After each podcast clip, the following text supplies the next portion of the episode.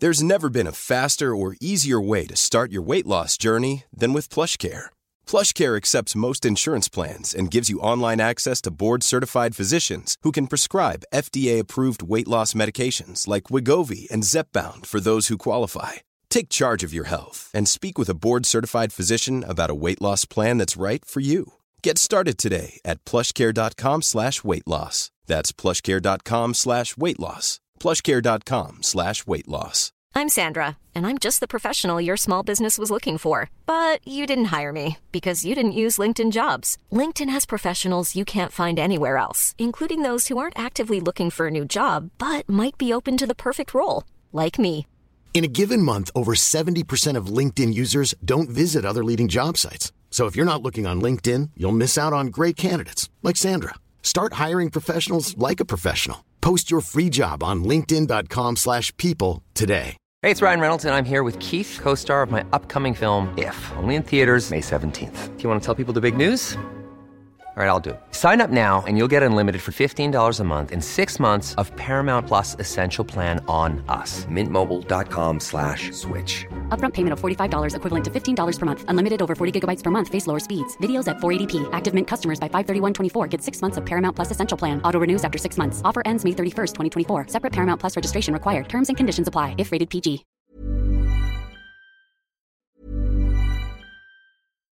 Here's a cool fact a crocodile can't stick out its tongue.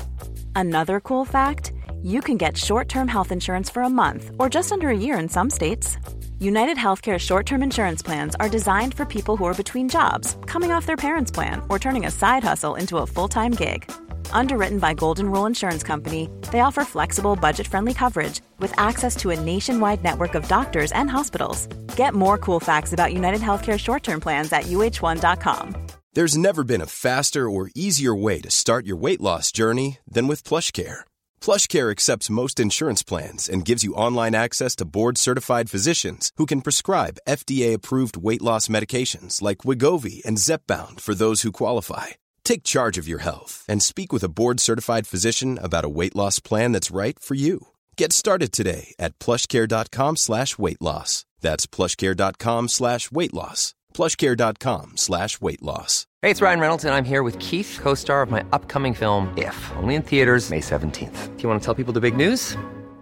All right, I'll do it. Sign up now and you'll get unlimited for $15 a month in six months of Paramount Plus Essential Plan on us. Mintmobile.com slash switch. Upfront payment of $45 equivalent to $15 per month. Unlimited over 40 gigabytes per month. Face lower speeds. Videos at 480p. Active Mint customers by 531.24 get six months of Paramount Plus Essential Plan. Auto renews after six months. Offer ends May 31st, 2024. Separate Paramount Plus registration required. Terms and conditions apply if rated PG. Wow. Nice. Yeah.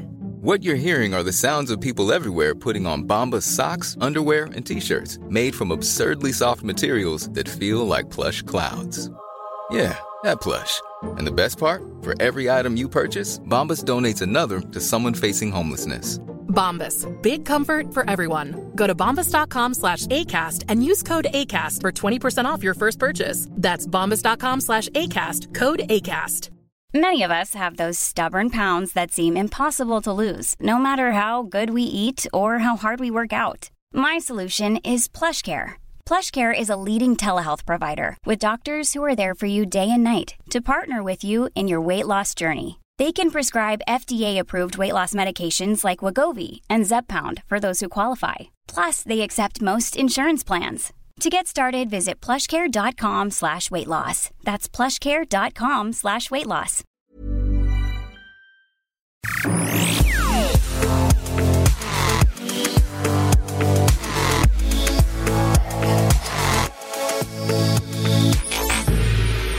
Hej och välkomna till Teknikveckan. Jag heter Per Danielsson och är chefredaktör här på Ny Teknik. Jag heter Anna Orring och är nyhetschef på Ny Teknik. Rysslands invasion av Ukraina har pågått sedan 24 februari. Det här är ju vad den breda nyhetsrapporteringen har dominerats av den senaste tiden. Vi ser hur miljontals människor är på flykt och hur ryssar sakta närmar sig ett övertagande av Ukraina trots oväntat starkt motstånd.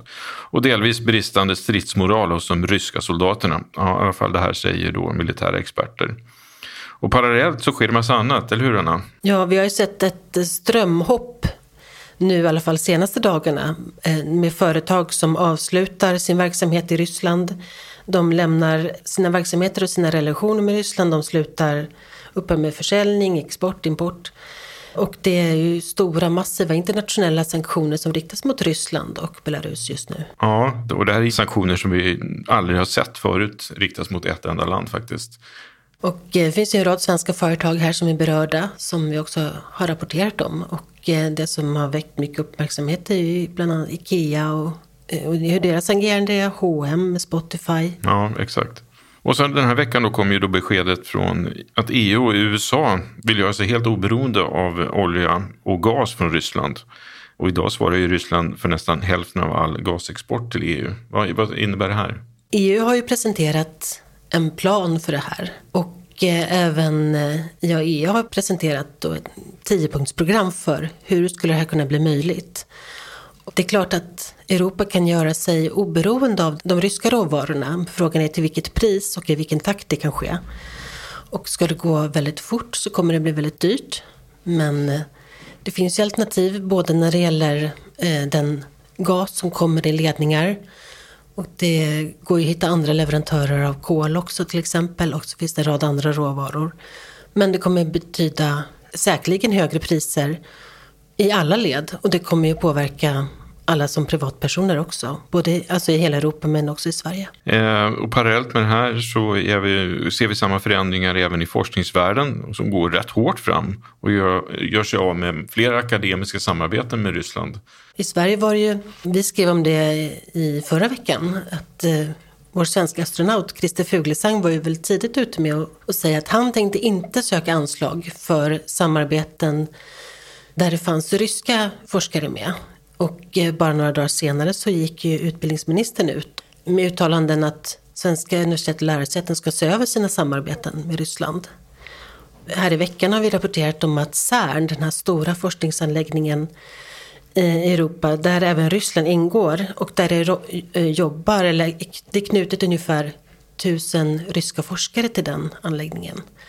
Av sammanlagt 12 000. De ska inte inleda några nya samarbeten där det ingår ryska forskare. Däremot de projekt som pågår ska vara kvar, så som vi har förstått i alla fall. Mm. Och det finns ju andra exempel. Även ITER verkar fatta samma beslut, eller vi tror det i alla fall. Från ITER har det i alla fall fram tills idag nu när vi spelar in det inte sagts något speciellt om detta. Ryssland, alltså ITER är ju det här stora fusionsenergiprojektet där eh, många länder i världen, europeiska, Sverige är med, Ryssland är med också. En anläggning som byggs i Frankrike och ska vara, stå färdig om några, några år. Där har man inte sagt ännu hur man ser på Rysslands roll, men eventuellt kommer det att få konsekvenser även där. Det vore ju nästan lite konstigt om det inte skulle få det. Ja, men det återstår väl att se. Mm. Och på tal om fusion så har ju vår reporter Bill Borå eh, gjort en omfattande granskning av framtiden för just fusionsenergi. När kan vi ha det i elnäten istället för exempelvis naturgas eller kärnkraft? Vad tror du? Vi ska prata med Bill i det här avsnittet och eh, nu när Bill har jobbat med det här reportaget så har, har ju, vi har ställt en fråga till honom. När kommer vi ha det här i våra elnät och när kan man liksom använda det för att byta ut annan, andra energikällor. Och han, varje gång så, så får man liksom ett litet leende till svar då, för att det här är en sån utveckling som eh, många bedömer kommer ta decennier såklart. Men en väldigt spännande utveckling att följa. Och eh, det är det han har ägnat sig åt nu då. Vad, är, vad står vi nu och vad ser vi in i framtiden? Så när ny teknik fyller 75 år kanske vi kan vara där? Ja, då, för alla som lyssnar då, hur gammalt är ny teknik nu? Uh, 55 fyller vi år faktiskt tror jag. Okej. Okay. Mm. 1967 uppstod ny teknik. Inom ny tekniks livstid då, får vi hoppas i alla fall. Ja, precis. Ja, då ska vi lyssna på vad Bill har att säga om det här. Ja. Hej Bill. Hej Anna. Välkommen till podden. Tack så mycket. Vi ska prata om fusionsenergi yes. som du har ägnat åt att fördjupa dig i. Först då, vad är det som gör att vi ser ett ökat intresse för fusionsenergi just nu? Jag tror att det beror ganska mycket på de olika rekord som har kommit under de senaste åren och så från de stora eh, fusionsprojekten runt om i världen. Vi har bland annat fått tidsrekord från Kina och vi har nu på senaste, ja, men i senaste veckorna bara fått rekord från Jet i Storbritannien. Och Det tror jag kan ha, spela stor roll i att man märker att vi kommer någonstans. Och Sen är det ju självklart så att fusionen erbjuder en alternativ energikälla eh, som då inte bidrar till växthuseffekten och så vidare och inte heller har eh, långlivat radioaktivt avfall så som vanlig kärnkraft har. Eh, och därför så tror jag att det, intresset ja, men ökar just nu när vi då ser de här bra resultaten vi får. Innan vi fortsätter då, kan du kort förklara vad är fusionsenergi för någonting egentligen, för någon som inte är så insatt? Ja, fusion det är den process där små och lätta atomkärnor smälter samman till större och tyngre atomkärnor. Vid den här processen så frisläpps det också energi i form av eh, rörelseenergi för de partiklar som bildas. Fusion är den process som ständigt sker i vår sol och i andra stjärnor och där sammansmälter väteatomer till tyngre atomer. Jämfört med vanlig kärnkraft, alltså fission, där man klyver tunga atomkärnor så ger inte heller fusionen långlivat radioaktivt avfall. Det som sker nu då är att man försöker återskapa den här processen eh, på jorden i reaktorer. Och då vet jag att det finns ju olika typer av fusionsreaktorer som forskningsanläggningar. Vad finns det för olika typer? Ja, det finns en del olika sorters reaktorer. Eh, den vanligaste idag tror jag är tokamaken. Det är en sorts torusformad eller munk eller badringsformad metallkonstruktion i vilken man försöker med magnetiska fält innesluta ett plasma av bränslepartiklar för att kunna sedan värma upp och starta en fusionsprocess. Liknande tokamaken är stellaratorn. Skillnaden mellan de två är att stellaratorn har andra sorters magneter som också vrider magnetfältet så att det plasma inne i torusen inte bara är plant utan också får en vriden komponent. Eftersom det krävs så höga temperaturer så finns det inget material som kan liksom hålla inne den eh, höga temperaturen och det är därför man behöver använda magneter för att hålla liksom plasman på plats. Ja, exakt. Eftersom att vi vill nå temperaturer över 100 miljoner grader Celsius och, och uppåt så smälter allting som är i kontakt med det här och därför måste vi ha en sorts magnetisk inneslutning. Och det är då vi använder de här tokamakerna eller stellaratorerna som är de här torusformade formationerna med magneter hela vägen runt omkring för att få ett plasma att sväva där inne. Du nämnde ju tidigare här att det kommit en rad rekord på senaste åren. Eh, och när vi pratar om rekord då ska man ändå komma ihåg att det handlar om att man på de här forskningsanläggningarna kunnat hålla igång fusionsprocesser i minuter eller sekunder. Så det är väldigt korta tidsskalor då. Vad är det som krävs av teknikutvecklingen för att man ska få kunna ha en, en anläggning, en reaktor som fungerar med fusionsenergi? För att få till en hållbar fusion, som, eller en stabil fusionsprocess, så är det ett gäng krav som man behöver uppfylla. Ehm, själva plasmat, eller bränslehärden, eh, innehåller då väteisotoper deuterium och tritium ofta. Och det är den vi vill då värma upp till att börja med. Vi måste få den tillräckligt varm. Vi måste också ha ett väldigt, väldigt högt tryck på det här plasmat för att vi vill ha en hög densitet av bränslepartiklarna i plasmat. Och sen så är det ju här med tidsskalan som du nämner vid East i Kina där man har ja, men förra året slagit en del rekord och kunnat hålla igång en fusionsprocess i 17 minuter har man då uppnått ett bra tidssteg. Men man hade kanske inte då de temperaturer eller det, den densitet av bränslepartiklarna som man skulle vilja ha. Så det är en kombination av de olika kraven som man behöver. Och sen är ett annat problem är ju det med att när fusionen sker så använder man ju upp bränslet i plasmat. Och deuterium, det har vi ganska gott om. Men ämnet tritium, det förekommer inte i så stora mängder i naturen.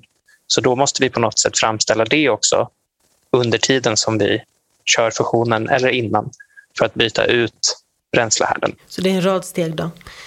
Vilka anläggningar är det som eh, eh arbetar med fusionsenergi idag, alltså som ligger längst fram? Du har ju tagit upp några här. Ja, det finns ju en, en rad olika, både eh, statliga och eh, ja, men internationella projekt mellan flera, flera, olika länder. Men det börjar också dyka upp en del privata aktörer som, som håller på och forskar i det här och försöker utveckla fusionsreaktorer. Den största tokamaken för tillfället det är Joint European Tours, eller JET, som ligger i Oxford i England. Eh, och Det är där man nyligen slog rekord i mängden utvunnen energi från en eh, fusionsprocess. Den höll dock på i fem sekunder jämfört med det man lyckats med i EAST som också kallas den artificiella solen och ligger i Kina. Vidare så finns det andra sorters reaktorer. Då, då till exempel stellaratorn Wendelstein 7X som är en, eh, en stellarator i, i Tyskland. Um, och Det finns andra projekt som håller på och forskar på magneter som ska användas vid fusionsreaktorer eh, och andra delar som inte är direkt kopplade till själva förbränningen av plasmat. Det stora framtida projektet är ju ITER som väldigt många forskare hoppas på som är under uppbyggnad i Frankrike och ett samarbetsprojekt mellan flera olika länder i hela världen. På vilket sätt är Sverige med och bidrar till den här utvecklingen? Ja, Sverige är en del av det europeiska samarbetet som heter Eurofusion. Och Eurofusion är de som samordnar forskningen inom fusion i Europa och ja, men, några fler länder. Eh, och eh, där ingår då många av de svenska universiteten. Eh, så Sverige har forskare från bland annat Chalmers, KTH, Lund, Uppsala ehm, som, som bidrar på olika sätt. Ehm, när jag skrev artikeln så pratade jag till exempel med eh, professor Göran Eriksson vid eh, Uppsala. Och de forskar bland annat på hur eh, neutronerna som bildas vid fusionsprocessen, hur det reagerar och eh, den strålningen, vad som händer där. Det har ju talats om fusion, fusionsenergi länge nu. När kommer vi ha fusionsenergi i våra elnät? Ja, det... det är en sån fråga som du, du skrattar ofta när vi tar upp den frågan. Ja, nej men det är väl... Eh, eh, om, om, man uttalar sig om det så, så riskerar man väl att, att få en del mejl. Men eh, det brukar väl sägas 30 år och i dagsläget är väl 30 år en bättre gissning än vad det någonsin har varit förut. Eh, men jag tror nog att det kommer dröja ett tag. Vi har, vi har ju då ITER som är på väg för att kunna eh, ja, ta forskningen nästa steg. Eh, och ITER planeras vara färdigt 2025. Om allt går som det ska där så kommer vi sen få en demonstrationsreaktor ungefär till 2030 jag tror att den ska heta Demo, eh, passande nog. Och eh, därifrån ska vi kunna då producera el, men det är ingenting som vi kommer kunna ta del av. Eh, men går det vägen så, så kan man ju hoppas på att det då utvecklas reaktorer eh, för att producera el. Men det är ju väldigt många saker som ska gå rätt eh, för att det ska hända. Vad har du själv för relation till fusionsenergi? Vad tänker du själv om framtiden för den här energikällan? Ja, när man läser på så här så, så får man ju ändå en, en bild av att visst, vi gör, vi gör en del framsteg och eh, det investeras en del pengar, men, men jag tror att om vi ska om vi ska få till det här så behöver vi nog satsa mer på den forskningen som, som görs. Eh, för att verkligen säkerställa att vi får till den här alternativa energikällan. Ehm, och Det är lite som, som de forskare jag har intervjuat till artikeln säger att om vi ökar den investeringsgrad som vi har så, så skulle det kunna gå lite snabbare. Men sen så gäller det självklart om att vi måste göra väldigt många framsteg på ja, men fusionsprocessen men också på materialdelar i systemen. Eh, för värmen och energin utvinns från fusionsprocesser i, i väggarna då av en sån här tokamak när strålningen krockar där och då måste vi ju se till att materialen håller, att, att alla de processerna går som förväntat. Eh, så det är många tekniska steg som, som måste lösas och det, det kan ju inte bara lösas av pengar men, men det är ju en stor, stor del i det. Det låter ju inte som att den här forskningen är jättebillig och man tittar på de här anläggningarna också. Det är ju väldigt stora apparater helt enkelt. Ja, jag tror nog att det kostar, kostar ganska mycket. Eh, men om man skulle lyckas uppnå målet så, så skulle ju det också då lösa de flesta energiproblem vi har på planeten. Och det får man väl ändå säga att det skulle vara värt i längden. Bra. Ja, det är en, en bra förhoppning att ha. Ja, det är alltid roligare att vara lite positivt inställd till, till framtiden. Tack Bill. Tack så jättemycket. Ja, vi säger tack till Bill och vi ska säga det att Bills långa reportage om fusionsenergi finns att läsa på nyteknik.se och i vår papperstidning och givetvis även i e-tidningsappen. Eh, vår nyhetsvecka har dominerats av den ryska invasionen av Ukraina och det lär fortsätta så ett tag till. Trots det pågår vardagen nästintill som vanligt för många runt om i världen och det uppstår flera, eller kommer flera tekniknyheter. Om vi tittar fram till nästa vecka, Anna, vad, vad ska vi förvänta oss? Vi fortsätter ju att eh, bevaka olika teknikaspekter av kriget i Ukraina och följer såklart utvecklingen. En sak vi kommer att eh, titta närmare på är den här eh, meddelandeplattformen Telegram som ju grundades i Ryssland av två ryska bröder. Som nu under kriget har blivit kanske den viktigaste kanalen då för både privatpersoner och myndigheter när det gäller information. Där finns flera olika intressanta aspekter och säkerhetsaspekter med den här appen. Då. Och vi har ju pratat en hel del om fusion i eh, det här avsnittet. Det finns ju då fission också, kärnkraft. Och där sker ju utvecklingen nu med små reaktorer. Det brukar kallas för SMR, alltså små modulära reaktorer. Det finns ju en svensk reaktor som utvecklas av ett bolag som har knoppats av från KTH, Blykalla. Den har vi, håller vi på att titta närmare på, ska beskriva och berätta om vad mm. det är för reaktor. Ja, och eh, på tisdag är det dags för tredje, eller fjärde avsnittet faktiskt av vår techpodd Amaras lag. Och den här gången så ska våra poddare Simon Camponello och Viktor Krylmark byta sökhistorik med varandra för att lära sig lite mer om, om den andra. Och är det här någonting som du skulle våga göra? Alltså helst inte. Skulle jag inte göra. Nej, sökhistorik är väldigt personligt ja. när man frågar om man skulle få kika på det. Men de har som sagt var bytt med varandra. Och vad säger den här sökhistoriken egentligen om en person? Ja, vad skulle den säga om dig Per, om någon fick läsa din sökhistorik? ja, de skulle säga att jag läste alldeles för mycket nyheter och lite väl, ja, för mycket nyheter. Ska jag säga. Lite överintresserad av vissa nyheter då? Ja, väldigt mycket nyhetshistorik, sökhistorik där. Ja, missa inte det avsnittet och som vanligt klicka gärna på prenumerera så missar du inget avsnitt alls. Och har du synpunkter på podden så får du jättegärna mejla till redaktionen nyteknik.se. Stort tack för att du har lyssnat. Hej då! Hej då!